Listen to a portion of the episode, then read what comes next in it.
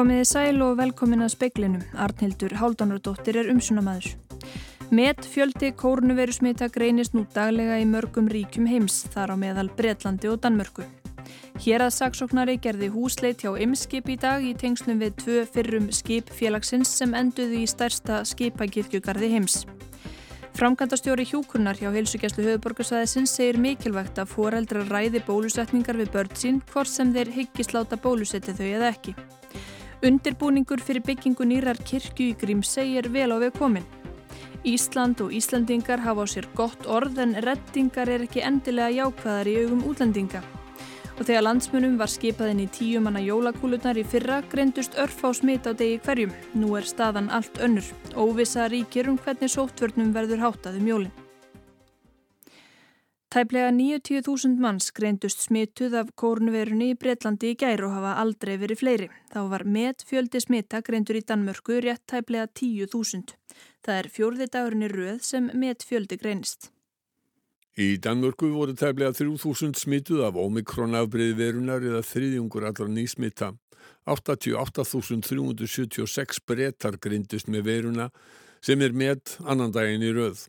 Á Ítalíu greindust fleiri smitt enn í meira en 8 mánuði og þar hafa sóttvarnir verið eldar. Veiran breyðist út með miklum hraða víða um heim og í Suður Kóriu ákáðu stjórnvölda herla sóttvarnar aðgerðir að nýju vegna metfjölda smita. Letóar Evrópusambandsins sem sitja fundi í Brussel lögði í dag áherslu á að örfunar spröytumilði hraða sem kostur væri. Leittóarnir ræða einnig samræmingu sóttvarnaraðgerða. Í Þískanandi skortir miljónir bóluefna skamta sögn Karls Lauterbach heilbriðis á þeirra. Bóji Ágússon saði frá og rætt verður við Þórólf Guðnason sóttátanleikni síðar í speklinu. Livjastofnun Evrópu EMA veitti í dag leifi fyrir tveimur nýjum meðferðum við COVID-19. Auk þess veitti stofnunin neyðarleifi fyrir leifi frá Pfizer. Húsleit var gerð fyrir í dag hjá Eimskip. Ólafur Þór Haugsson, hér að saksóknari, segir að ráðist hafi verið í húsleitina til þess að abla gagna um skipaförgun í tengslum við Sölu, Góðafoss og Lagsfoss árið 2019. Umhverjastofnun kærði málið til hérasaksóknara í fyrra eftir að kveikur fjallaði um niðurif skipana í Alang á vesturströnd Indlands. Þar er stærsti skipakirkjugarður heims og litlar mengunarvarnir. Ólafur Þór Haugsson hérasaksóknari segir í samtali við fréttastofu að húsletin hafi verið liður í rannsókn embættisins. Húsletin fór fram í höfuðstöðum eimskips í dag. Ólafur segir að ekki hafi verið gerð húslet á fleiri stöðum enda um afmarkaða efnisleitað ræða. Hann gatað öðru leiti lítið gefið upp um umfang gagnaöflunarinnar og gatt ekki tjá sig um hvort tölvubúnaður eða rafræn gögn hafi verið tekinn til rannsóknar. Þá gatt hann ekki svara því hvort samskonar gagnaöflun hafi farið fram erlendis vegna rannsóknar málsins. Í tilkynningu frá Eimskip til kaupallarinnar segir að húsleitar heimilt hafi verið veitt á grundvelli úrskurðar hýraðstóms. Eimskip segir að félagið telji sig hafa farið eftir lögum og reglum í söluferli skipana. Málið sé litið alvarlegum augum. Eimskip hafi verið upplýst um að rannsóknin beinist að því hvort háttsemi félagsins geti varðað við lög um meðhöndlun úrgangs og reglugerðir á grundvelli þeirra. Alma Ómarsdóttir tók saman.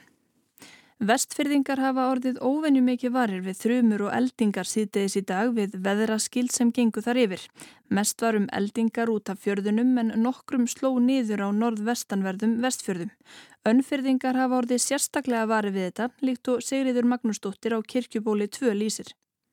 Þetta var, það bara lýstist allt upp og bara eiginlega strax á eftir svaka sprenging og, og bara drundi hérna í fjörlunum. Þannig að þetta var svona með því svakalasta sem við höfum séð. Já, svo komu nokkrar á eftir en, er, en svo, þá heyrði ég að, að, að þrjumutnar, það var lengra bíl á milli eldingan og þrjumanna þannig að þetta fór að fjalla ég. Saði Sigriður Magnúsdóttir. Framkvæmdastjóri hjúkrunar hjá heilsugjastlu höfuborgarsvæðisins segir að í bólusetningu 5-11 ára barna sem hefst í janúar verður reynd að tryggja að börnin verð ekki vörfi hvert annað. Alls eru börn á þessum aldri rúmlega 30.000 í landinu og höfuborgarsvæðinu verður bólusett í grunnskólunum sem eru alls 75. Foreldrar eiga að fylgja börnunum. Stemtir að því að skóladagurinn verði skertur þann dag sem bólusetningin fer fram. Ragnheður Ósk Erlendstóttir, frangotastjóri hjúkurunar, segir að byrjað verði á að bólusetja yngstu börnin og svo koll af kolli. Börnin koma í skólan jæft og þétt þegar þau fá eiga að koma mæta í sína bólusetningu og mæta þá saman og þau sem ætla ekki að þykja þá geta þau farið bara inn í sína stofu og síðan fyllist skólinn jæft og þétt. Við getum skapað ákveðnar aðstæður fyrir bólusetninguna og, og reynda ekki svona lámarka það að börn verði vörfið hvort annað en við getum ekki fyrirbyggt það að börn tali saman. Þannig að ég held að það sé mjög mikilvægt fyrir foreldra að ræða svolítið við börnir sín og, og svona gefa þeim nokkuð góður áð hvort sem þau eru bólusett eða verði ekki bólusett og hvort þau ætla að býða eða þykja bólusetninguna þarna. Þannig að ég held að það sé bara mjög mikilvægt að foreldra taki þessa umræði með sínum börnum. Þetta var Ragnhildur Ósk Erlendsdóttir. Úrskurðanemnd umhverfis og auðlindamála hefur felt úr gildi 10.000 tonna stækkun starfsleifis lagsa fiskaldis í reyðarfyrði. Ástæðan er að umhverfismat áallana var ekki gert.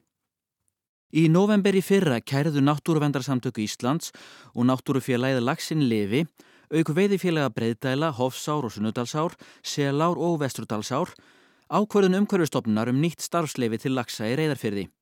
Fyrirtækið hafði leifi til að ala 6.000 tonn í fyrðinum en fekk nýtt starfsleifi sem fóli sér 10.000 tonna stækkun. Þetta byggði á því að Havró hafði breytt áhættumati vegna mögulegar erðablöndunar við viltan lags og talið óhætt að ala 16.000 tonn af frjóum lagsi í reyðarfyrði. Úrskurðarnemnd segir í úrskurði sínum að áhættumat erðablöndunar skuli teljast áætlun og eigi því að vera háð um hverfismati áætlana. Óumdeilt sé að slíkt mat hafi ekki farið fram þegar umhverfistofnun gaf út stækkað starfsleifi og það sé verulegur ágalli. Markmið með umhverfismati áætlana sé að tryggja að dreyið sé úr neikvæðum umhverfisáhrifum og tekið sé tillit til umhverfis sjónarmiða. Mögulega hefði matið haft áhrif á hvernig starfslefi var gefið út. Umhverfistofnun og lagsar bentu á í aðtóasemdum sínum að þegar væri hafinn nýting á leifinu og verilega íþingjandi væri að slátra fiski eða færa hann og að slíku myndi fylgja aukin hætta á slisa sleppingum. Úrskurðarnemdin bendir hins vegar á að sá lífmaðsi sem nú sé í kvíum rúmist innan upphaflegs leifis og að lagsar hafi ekki nýtt sér umfram heimildina sem feld er úr gildi. Ógildingsstarfsleifisins valdi því ekki því tjóni sem haldið sé fram. Rúnarsnar Reynisson saði frá. Fyrri umræðu um þingsálektunar tillugu Katrínar Jakobsdóttur fórsættisráðara um breyta skipan ráðuneyta stjórnaráðsins lauk á alþingi núna á sjötta tímanum. Fórsættisráðara mælti fyrir tillugun í gerðkvöld. Til að hann fer nú til umfjöllunar í stjórnskipunar og eftirlitsnefnd alþingis en alþingi þarf ekki að ljúka afgriðslennar fyrir enn fyrsta februar. Undirbúningur fyrir byggingu nýrar kirkju grím segir vel á veg komin en vantar þó töluvert fjármagn til enduruppbyggingarinnar. Strax eftir að miðgarðakirkja brandi grunna í september var vilji grímseginga skýr um að byggja eftir nýja kirkju í inni. Sóknanemnd miðgarðakirkju skrifaði á dögunum undir samning við smíðaverkstadi um smíði nýrar kirkju. Hjörlefur Stefansson arkitekt hefur ráðin byggingarstjóri. Arnabjörg Bjarnadóttir hefur yfir umsjón með verkefninu. Hún hefur skýra skýrskotun til gömlu kirkunar en það er unnið sem líka mikið með náttúruna á staðnum og hún verður byggðað hlutu til úr, úr rekavið eða lerki. Alltaf verður úr stuðlabergi og skýrnafondurinn sem er leiðis flýsar á gólfinu og stuðlabergi og vondið þakki líka. Nýja kirkjan verður byggð aðeins starri í ljósi nútíma krafna. Einni er hort til þess að hún nýtist til fleiri aðtapna en helgihalds. Markmiði er að hún verði tilbúin að utan 22. september að sama dag og kirkjan hinn gamla brann. Fljótlega eftir brunan fór af stað söpnun fyrir kirkjunni og segir Arna Björg einstakling og félagasamtök hafa veitt halsvert fjef hendi og fyrir það séu grímsegingar þakkláttir. Vonir standa til að fleiri fyrirtæki taki við sér. Það er dýst að smíða heila kirkju, sérstaklega út í grímseg vegna þess að það þarf að flytja allt efni að þannig að það vantar ennþá töluvert fjármagn sagði Arna Björg Bjarnadóttir, Anna Þorbjörg Jónasdóttir talaði við hana. Hvenna lið Breiðabliks er þessa stundina að keppa við franska stórliðið PSG í riðlakeppni mistaradeildar Evrópu í fótbolta. Þetta er sjötti og síðasti leikur blika í riðlinum en þetta er í fyrsta sinn sem Íslandst félagslið spilar í riðlakeppni mistaradeildarinnar. Andri Irkil Valsson, fréttamaður, er á vellinum í París. Andri, hvernig er staðan? Staðan er 1-0 fyrir PSG eftir tæplega hálftíma leik og vonandi skilar það sér í gegna. Það er mikil stemming á vellinum. Það eru umlega hundra íslettingar á leiknum sem að láta velið sér heyra þá að frakkarnir á trómanum séu kannski aðeins háværari enda, enda fleiri. Og þetta hefur verið mikið æfintýri fyrir breyðablík síðustu vikur, eða hvað? Algjörlega og eins og sagðir áðan, fyrsta sinn sem Íslands félagslið kemst í reyðlakjæfnina og aldrei gert áður að Íslands, Íslands lið sé að spila keppnisleik svona senkt á árinu. Og þetta er akkurat það sem að breyðablík og fleiri lið vilja gera, vera í þessu stóra alþjóðlega umhverfi fótbollstens.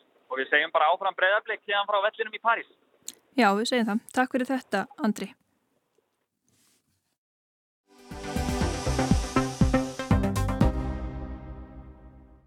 Mart er ólíkt með sótvarnajólunum 2020 og 2021. Þegar landsmönnum var skipað inn í tíu manna jólakúlunar í fyrra greindust örf á smitt á degi hverjum og það voru innan við hundrað í einangrun. Nú er staðan allt önnur. Bara síðustu tvo daga hafa greinst fleiri smitt innanlands en greindust allan desembermánuði fyrra. Núverandi sótvarnareglugerð rennur út tveimur dögum fyrir jól og enn hafa ekki borist neyn fyrirmælað ofan um jólakúlugerð. Það ríkir óvisa, ekki síst vegna þess hvað ómikrón afbreyðið er í mikilli sókn í nágrunarlöndunum.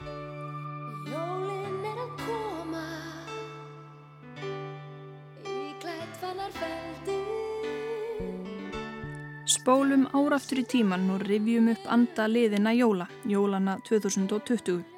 Jólakúlur voru málmálana og ráðleggingar landlæknis og almannavarna voru á þessa leið.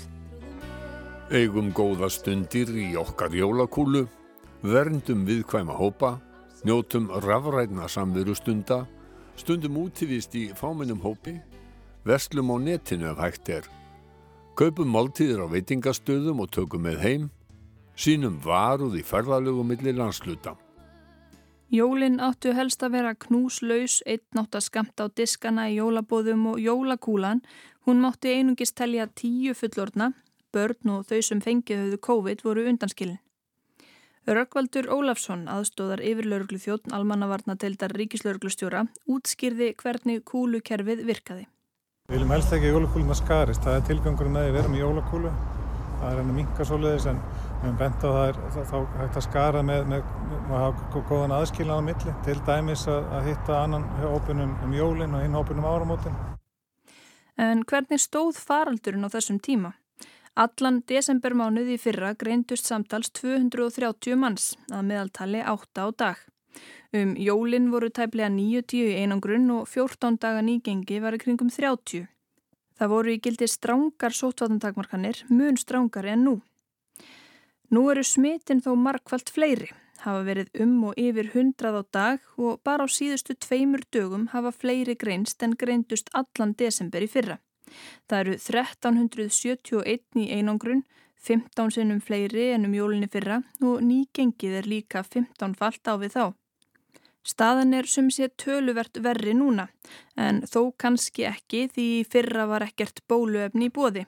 Nú eru langflest tvísbrautuð og mörg þrísbrautuð. Þann 7. desember síðastliðin ákvað Viljum Þór Þórsson heilbreyðis á þeirra að farað tilmælum sótvartanleiknis og framlengja þágildandi sótvartanreglugerð fram til miðvíkudagsins 22. desember. Ástæðan var óvisa í kringum nýja omikrón-afbreyðið hvort bóluefnin virkuði gegn því og hvort það ylli alvarlegri sjúkdómi. Viljum segir að ef framkoma gögn sem sína að omikron afbreyðið sé ekki jægt skætt og uppálega var óttast, verði þetta slaka á aðgerðum innan tveggja vikna. Já, það eru vísbendingar um það. Það eru góðar vísbendingar. Við vorum í jólakúlu í fyrra eða þú ert bjart, bjart síðan á að það verði ekki núna. Ég vona bara að við njótum öll sem mest aðventunar í, í samvinslu með hvort annað en, en förum alveg.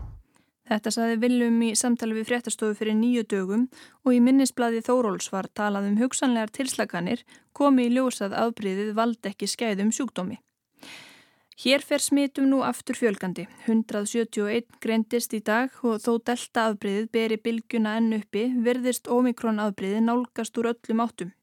Tilslaganir eru Þórólfi Guðnarsinni sótanalækni ekki efst í huga núna. Ekki mjög ofalega myndi ég segja. Hann er með minnisbladi í smíðum, sendir það líklega á villum um helgina, en vill sem fyrir lítið gefa upp um innihaldið áður en ráþær er búin að melda það. Nokkrum dögum fyrir jól ætti að fást á hreint hvernig jólinn verða. Þórulfur segir myndina af omikron afbreyðinu aðeins hafa skýrst. Það virðist vera alltaf því tvöfalt meira smitandi en delta en ennrikir óvisa um hversu illa það leggst á fólk. Eh, veldur það einhvern veginn auðvísi sjúkdómi, vægari sjúkdómi, alvarleiri sjúkdómi eða hvað? Það er erfitt að fullir það um það. Það flestir sem hafa greins með omikron afbreyðið hafa verið með tiltúrlega vægan sjúkdóm. Það er þó rapporterað í Söður Afríku mikil aukning á innlögnum og sjúkrahús hvort að það er nákvæmlega völdum omikron afbreyðisins er ekki, ekki ljóst og flestir sem hafa verið að greinast með omikron afbreyði eh, í nálægum löndum eru full bólusettir þar að segja eru með tvær spröytur og, og, og vendar það á einhvern máta gegn alvarlegum veikindum, það er ekki alveg vitað eins og staðan er. Eh, en allavega verðast flestir vera með vægari enkenni og, og til dæmis ég sé að Danir í, í, í sínu áhættumati gera ráð fyrir því að alvarlegum veikindum muni fækka kannski um 50% Uh, af völdum uh, omikronafbreyðisins miða við deltaafbreyði sem þá þýða að í staðin fyrir að um 2% af þeim sem að smittast delta þá myndi það kannski verið 1% sem myndi þurfa að leggjast inn uh, af völdum omikronafbreyðisins. Þetta er hins vegar óljóst og en ef að, ef að sko alvarlegum veikindum fækkar eða þar verði ekki eins algengar þá er það þessi mikla útbreyðislan sem vegur upp á móti og gæti jafnvel endaði því að, að eh, við fáum fleiri alvarlega veika á sama tímapunkti og það er það sem menn hafa mikla ráð að gera. Þórulfur segir niðurstöður rannsókna benda til þess að fyrri síking verndi ekki gegn omikronafbreyðinu og ekki tvær spröytur á bóluefni heldur. Þriðja spröytan virðist þó vernda ágætlega. Kanski ekki alveg eins vel eins og gegn eh, delta afbreyðinu en, en þó uh, nokkuð vel. Eh, hvernig kemur það svo út í raunveruleikanum? Þetta eru eh, niðurstöður sem að koma frá, frá rannsóknarstofum. Gerir, hvað gerir svo í raunveruleikanum þegar að þegar að búið að bólusetja og, og, og, og þetta afbyrði fyrir að ganga? Það veitir engin raunverulega hvort að muni venda gegn smiti hvort að muni venda gegn alvarlegum veikindum. Þetta er eitthvað sem á eftir að koma í ljós en, en, en allavega þriðji skamturinn lofar nokkuð góðu eins og eins og staðinu núna og þar upplýsingar sem við höfum í höndunum. Það hafa greinst 50 omikrón smitt á Íslandi og nú er fólk á ferð og flugi, margir að koma heim frá löndum þar sem að smittið er útbreytt. Þórólfur segir ómögulegt að ætla að halda því niðri, spurningin sé hvort að fara á flug hér eins og í nákvæmlega löndunum eða hvort útbreyttir örfunar skamtar haldiði að einhverju leiti niðri. Það er erfitt að spá nákvæmlega hvað muni gerast og þess vegna held ég að við þurfum að vera mjög varkár núna á næstunni til að, til að lendi ekki í vandamálum og við sjáum bara hvað er að gerast á hinu Norðurlöndunum að, að það er faraldun alveg að fara úr öllum böndum. Í Noregi verða takmarkanirnar bísna strángar um jólinn og í Danmörku og Svíþjóð til greina að herða takmarkanir fyrir jól. Smitum fjölgar hratt í Noregi og þar er omikron aðbreið ábyrjandi. Í gær tóku nýjar takmarkanir gildi. Fólk er hvað til að hittast helst utan dýra, alla jafnam á bara bjóða tíu manns heimum jólin að undanskildu einu 20 gesta jólabóði einhver tíman yfir hátíðinar. Norðmenn verða að brugga sitt jólaglögg sjálfur viljið er það yfir leitt því næstu fjórar vikur verður veitingastöðum, kaffihúsum og hótelum bannað að selja áfengi. Allir sem geta eiga að vinna heima og bara vera eins mikið heima og mögulegt er. Í Danmörku hafa smitmetin fallið hvert á fætur öðru síðustu daga. Í gær greindust 10.000 tilfelli í landinu, fleira en nokkur sinni fyrr og þriðjungur hafði ekki hugmyndum hvar hann smitaðist. Omikron er í sókn, alls hafa greinst 9.000 omikron tilfelli, lang flest síðustu daga. Rannsóknarstofnun ríkisins í heilbreyðsvísindum gaf það út í byrjun vikunar að búast mætti við því að fjöldi omikron smitta tvöfaldadist á degi hverjum og mikil hætta á að þróunin grafundan getu stjórnvalda til að hafa stjórn á faraldrinu. Næturlífið væri sérstaklega til vandraða þar dreifði veiran sér með ofur hraða. Í Danmörku mega nú 50 koma saman innandira og 1000 utandira. Það er við að grímuskild á almannafæri, börum og veitingastöðum er gert að loka á miðnætti. Á VF Danska ríkisútarsinn segir að fram til 4. janúar verði grunnskólabörnum kent heima. Fullordnir eru kvartir til að vinna heimann og vinnustadir beðnir að slaufa júlefrókosnum. Sérfræðingar og pólitíkusar hafa gaggrínt dönsk stjórnvöld fyrir að herð ekki aðgerðir. Jens Lundgren, professor á Ríkshospitalet, segir að það sé engin stefna þegar kemur að omikronafbriðinu. Síðdegis fóru sóttvarna yfirvöld yfir stöðuna á bladamannafundi. vi har faktisk ikke nogen forhåbning om, at vi sådan kan lægge smitten helt ned, som vi lykkedes med sidste vinter. Men vi er simpelthen noget, nødt til at gøre ting for, at smitten ikke bliver ved med at accelerere. Það þurfi að gera eitthvað og nú hefur Mette Fredriksen fórsettisraður Danmörkur staðfest að hert verði á. Mikilvægast væri þó að Danir fjölmentu í örfunarbólusetningu. Svíjar hafa getið sér orð fyrir að ganga skemur en aðrar Norðurlanda þjóðir í sótvörnum þó að þeir hafi hert á að undanförnu. Í Svíþjóð er búist til því að staðan versni á næstunni og stjórnvöld útiloka ekki að hert verða á takmörkunum í næstu viku. Lena Hallengren, félagsmálur á þeirra, saði í dag að full bólusett og frist fólk ætti þó að geta haldið jól með vinum og ættingum. För den som är fullvaccinerad och frisk går det bra att fira jul med släkt och vänner. Men var beredd på att ställa in om du får symptom. Välj gärna den mindre festen till nyår, håll lite avstånd och ta ansvar. Nýjárspartíin megi vera aðeins minni í sniðum en venjulega. Hér á Íslandi megi nú 50 koma saman að minnstakosti fram á miðugudaginn næsta. 500 ef neikvæðu hraðpróf er framvísað. Veitingastæðir og barir er að loka kl. 10 og það er grímuskylda í flestum verslunum. Þrátt fyrir að við séum vel bólusett er farið að slá í verndina hjá mörgum. Þórólfur segir að eftir sjö mánuði hafi tví bólusettir nær enga vernd gegn smiti að völdum deltaafbríðisins, verndin gegn veikindum dali líka á fyrstu 6-7 mánuðunum. Og það er þá sem að þessi örfunaskamtu kemur sterkur inn og, og e, eflir vendina aftur um minnskosti tífalt og við vitum eins og staðin er núna náttúrulega ekki hversu lengi mun það endast. Hann segir afar lítið um smitt í hópi þeirra sem hafi fengið örfunarbólusetningu. Hundrað af þeim 140.000 sem fengið af skamtinn hafi smittast. Þannig að við erum eins og staðinni núna í, í eins góðum málum myndi að halda vegna bólusetningana eins, eins og hægt er. Þrátt verið að smittin nú séu markvallt fleiri enn í desemberi fyrra séu það bólusetningarnar sem komi veg fyrir önnur tíu manna jólakúlu jól. Við getum náttúrulega ekki verið að mæla með tíu manna jólakúlum nema að eh, sko við höfum einhverjum svona reglugerð fyrir því og, og hérna en, en ég held að menn ætti ekkert endilega kappkosta að vera með 50 manna hópa. Ég held að menn eigi eh, að reyna eins og hægt er að, að hafa hópana sem minnsta uh, og, og hérna og passa sem, sem mest að, að, hérna, ver, að vera ekki að umgangast mjög marga, blandast uh, mjög mörgum það er akkurat þannig sem að smitt verða og þannig það ætti fólk að gera núna fyrir jólin og líka um jólin.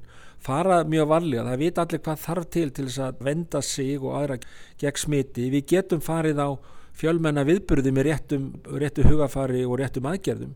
Nota grímur og halda kyrru fyrir og, og, og því miður erum maður að heyra marga frettir af viðburðum þar sem að það sem sem áfengi er haft um hönd og fólk fer mjög óvarlega það býður hættunni heim, það þarf ekki að nema nokkara einstaklinga í slíkum hópi til þess að, að verði útbreytt smitt og sérstaklega ef við förum að sjá þetta ómikronabrið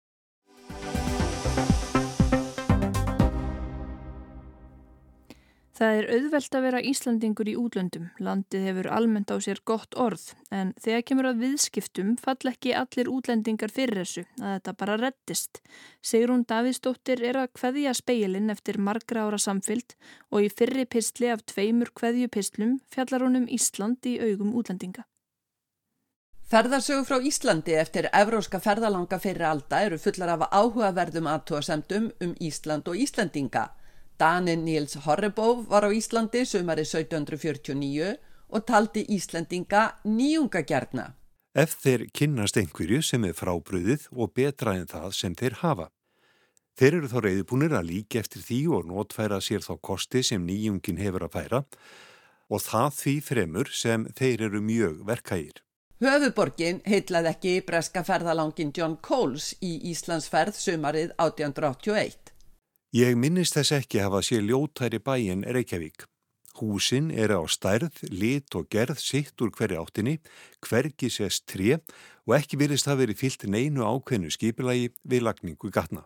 Kóls fannst Íslandingar annars vegar snotrir og gladlegir, brósmildir, skemmtilegir, fróður og velmentaður eins og Þorður Sóega, fyldarmadur Kóls, hins vegar eins og eyvindur sem gætti klifjahestana fátalaður en með afbreyðum ratvís og alltaf fyrstur út í varasamar ár. Það er aðeins gemra síðan aukuþórin Jeremy Clarkson var á Íslandi, tók upp fyrsta þáttinn sinn þar 1994 þegar útlendingar vissu almennt lítið sem ekkert um Ísland. Here, nothing is ever how you expect it to be, which is okay because hardly anyone knows what to expect in Iceland.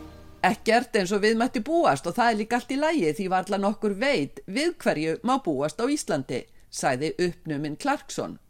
Útrásarvíkingarnir, ef einhver mann þá, mótuðu ímynd Íslands og Íslandinga í nokkur ár fyrir bankarhunnið 2008. Bók Malcolm Gladwells Blink eða Ögnablik um að hugsa að þess að hugsa kom út 2005 og sló í gegn, reyfaði hvernig þekking stitti skjótar ákvarðanir. Íslenskir umsveðamenn í útlöndum sleftu þessu með þekkinguna en fannst ákvarðun og augnabliki falla vel að íslensku trúni á að allt hliti og myndi rettast. Óláður Ragnar Grímsson, þáverandi fórseti, gekk snöfurlega fram í að búa til hugmyndafræði í kringum útrásavíkingana. Í ræðu í Volbrúk-klubnum í London 2005 vildi fórsetin skýra viðskipta velgengni Íslandinga. Ólafur raktana til 13 atriða, nefndi dugnað og þór, enga skriffinsku, landkonnunar anda vikingana og aðdána sköpunargá í viðskiptum samanbyr orðið aðtapnaskáld. Í lokin vitnaði fórsetin í Hollywoodmynd. You ain't seen nothing yet. Nei, menn hafði ekki séð neitt þá í líkingu við það sem svo gerðist í oktober 2008 þegar þessi hugmyndafræði grófst í rústum stóru bankana þryggja, önnur saga. Í augum útlendinga síndu þessar hugmyndir sem að Íslandinga um sjálfa sig, gengdarlausan hroka, afar reynslu lítils fólks sem var samt merkilega örugt með sig. Eins og Erlendur starfsmæður í einum íslensku bankana sagði við undirritað þessum árum, Ísland er ung þjóð og íslensku yfirmennir er svo táningar, hlustu ekki á neitt og telja sér vita allt betur en aðrir. Það var almennt ergelsi á Íslandi á þessum árum út í danska fjölmiðla fyrir neikvæða umfjöllun um útrásina. Danir öfinsjúkir þyldi ekki að litla Ísland skitið um referir ras. En skýringin var kannski frekar svo að þeir sem fjölluðu mest um íslensku umsöfin í Danmörku voru reyndir viðskiptablaðamenn sem voru ekki trúaður á að íslenskir umsögamenn væri eitthvað mikið snjallari en aðrir. Ekki sama kranablaðmennskan þar og viða í breskum fjölmjölum á þessum tíma þar sem viðskiptaumfjöllunin byggði óspart á frettatilkynningum fyrirtækjana og glansmyndum stjórnendana. Það hefur aðeins breyst. En hvað þá með ímynd Íslands núna? Almennt er hún mjög jákvæð. Hér í Breitlandi er Ísland stöðu til umfjöllunar. Það eru ófærðar þættirnir, efnu, mat, hótel og ferðalög á Íslandi. Björk og nú einnig Víkingur Ólafsson og Anna Þorvaldsdóttir þekkt tónlistarfólk hér. En sáur vinnur er til vam segir útlendingar sem kynast íslensku fyrirtækjum innan frá reka sig yðurlega á það sem í erlendum augum er skortur á fagmennsku, skortur á að skilja milli engalífs og vinnunar. Einn dæmisaga. Erlend stórfyrirtæki hugði á fjárfestingar á Íslandi nokkrum árum eftir hrun. Svörin við öllum fyrirspurnum voru alltaf þau að útlendingarnir fengju það sem þeir vildu, allt reddast, þannig innu Íslandingar. Nú átti að funda á Íslandi og láta reyna á þetta. Fyrsta kvöldið var þó óvand ekki fundur eins og til stóð heldur fjölskyldubóð heima hjá einum Íslandingnum. Útlendingarnir hefðu heldur viljað eigða því kvöldi heima hjá sér og mæta funda einn eftir. Á endanum varð ekkert úr erlendu fjárfestingunni, heldur ekki þó útlendingunum væri bóðið að hitta ráðherra. Sífældar reddingar fjallu ekki að erlendu vinnubröðunum og þetta að blanda saman engalífi og vinnu virðist fremur ófaglegt en skemmtilegt síðan með erlendum augum.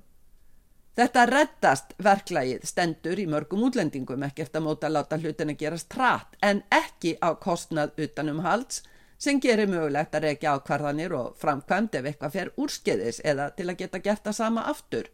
Í augum útlendinga vantar Íslandinga oft skilning á nákvæmni og faglegum vinnubröðum sem á sannarlega læra ef það er hlustað á gaggrinni. Sigrún Davidsdóttir sæði frá. Og veður, suðlega átt, all kvöss eða kvöss á köplum en mun hægar á morgun. Víða rigning eða súlt, fremur hlýtt í veðri. Fleira er ekki í speikli kvöldsins, tæknimaður var Mark Eldredd, veriði sæl.